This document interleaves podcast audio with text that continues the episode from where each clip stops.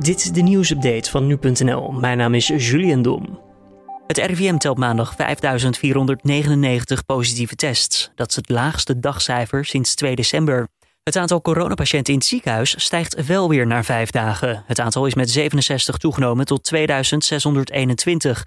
Dat blijkt uit nieuwe cijfers van het Landelijk Coördinatiecentrum Patiëntenspreiding.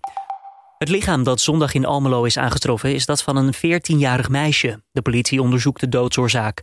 Zondag werd al duidelijk dat er twee verdachten zijn opgepakt. Het gaat om twee mannen waarvan er één minderjarig is.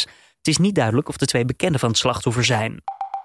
Het college ter beoordeling van geneesmiddelen raadt uitstel van de tweede dosis van de coronavaccins van Pfizer en Moderna af. De werking van de vaccins is in dat geval namelijk niet meer zeker. Onlangs maakten onder meer het Verenigd Koninkrijk en Denemarken bekend de tweede prik uit te stellen, zodat meer mensen in korte tijd ingeënt konden worden. Het college wijst erop dat de werking het best werkt als de twee prikken worden gegeven met een tussenperiode van drie tot maximaal zes weken. In Zundert probeert een ondernemer de constructie van een bushalte tegen te houden. De man zegt tegen Omroep Brabant dat er geen ruimte voor zijn deur is en dat de bus voor gevaarlijke situaties zorgt. Om de werkzaamheden tegen te houden parkeert hij nu twee van zijn eigen busjes op die locatie.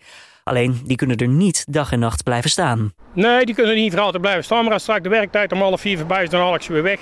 En dan zet ik ze weer terug en morgen vroeg zet ik ze weer terug. Je gaat het elke dag doen? Dat ga ik elke dag doen. Want ik heb geen andere keuze om het tegen te houden. Al dus de man dus tegen Omroep Brabant. En dit was dan weer de nieuwsupdate van nu.nl.